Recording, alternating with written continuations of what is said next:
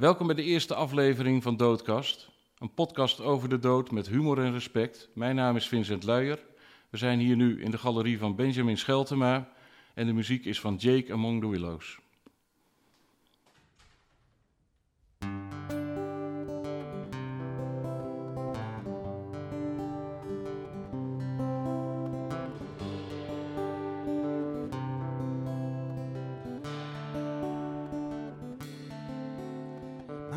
Bags are packed, I'm ready to go.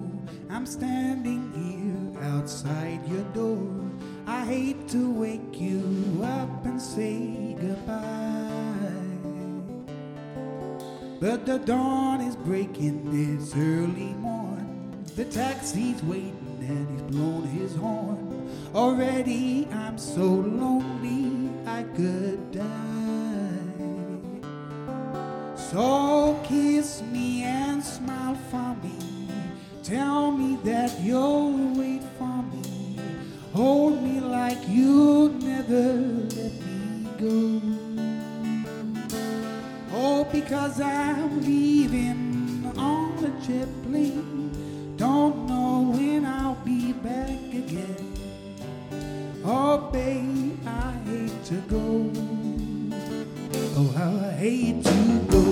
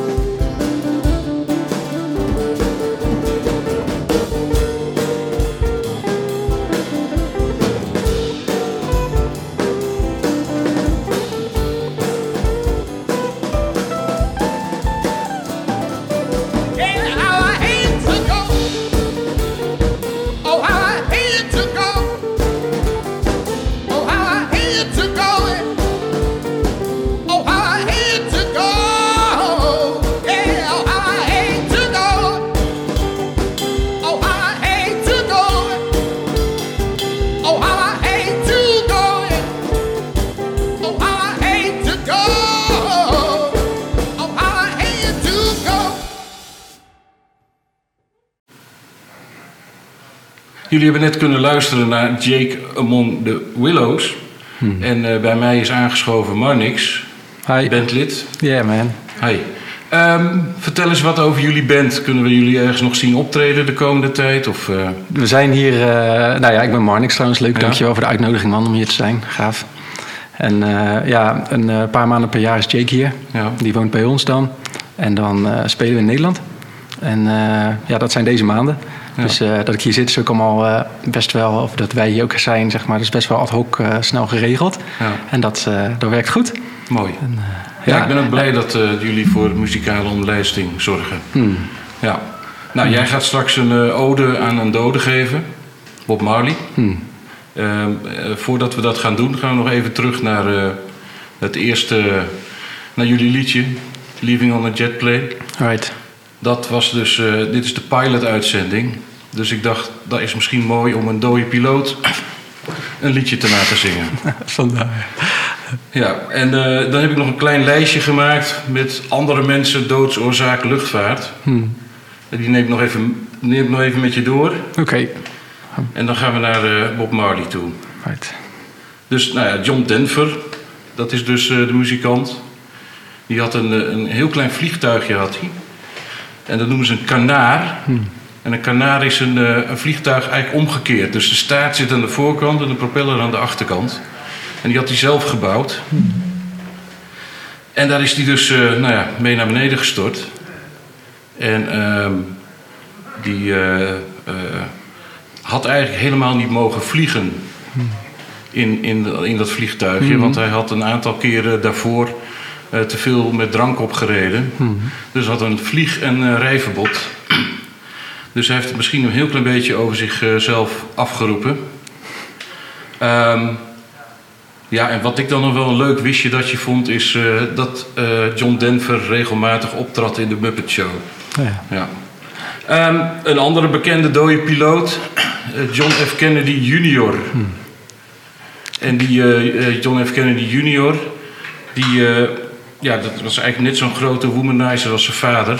Dus die heeft relaties gehad met Madonna, Sarah Jessica Parker, Cindy Crawford, dat soort eh, figuren. Was wel een playboy, net als zijn vader. En eh, ja, die ging op weg naar een bruiloft van een nichtje, ergens op een eiland. En die is dan naar beneden gevlogen in de oceaan. Ja, wat ik dan altijd typisch vind van die Kennedys, die hebben een hoop ellende meegemaakt. Hè? Want Kennedy Jr. was ook op heel jonge leeftijd al een been kwijt. En eh, ik moet altijd denken, je hebt die film Four Weddings and a Funeral. Maar Bij hun is het een beetje andersom, Four Funerals and a Wedding. Ehm, ja, en dan nog iets waar je misschien nog wel wat mee hebt. The Day the Music Died, dat ken je wel? The Day the Music Died. Ja? Nee, dat ken ik niet. Dat, dat liedje van eh, Don McLean... Right. Eh, dat, is uit, eh, dat gaat over een vliegtuigongelukje op 3 februari 1959. En in dat vliegtuigje zaten de Big Bopper, een bekende Amerikaanse artiest was dat. Hmm. Eh, daar zat ook in Buddy Holly en Richie Valens. Oké. Die na- zeg je die namen iets? Buddy Holly, Valens? Het, eh, het- ik heb ze wel, eer- wel eens eerder gehoord, ja. Ja, maar die hadden dus een he- hele hoop optredens achter elkaar. En die zaten midden in de winter, eh, zaten die eh, ergens. En ze zouden eerst met een bus, 80 uur in een bus moeten zitten of zo. Maar die Buddy Holly die was toen al vrij groot. En die had een, een vliegtuigje geregeld. Kijk aan. En een van zijn bandleden, Waylon Jennings, die zou daar ook in zitten. Maar die moest zijn plek afgeven aan eh, Richie Valens. En aan eh, de Big Bopper. En ehm, nou, die gingen vliegen en die kwamen in een sneeuwstorm terecht. En die stortten neer en dat is The Day the Music Died. dat is dat liedje van Don McLean van. Right on. Ja. Het gaat daarover, ja. Ja. Ja. Ja, en dan heb ik ook nog even een korte vermelding voor twee andere doden in de luchtvaart. Dat is Kobe Bryant natuurlijk, nog niet zo lang geleden, in een helikopter. En eh, een andere is Alaya. En dat Alaya, dat komt, ik ben al heel lang bezig geweest met het verzamelen van bekende doden voor mijn podcast.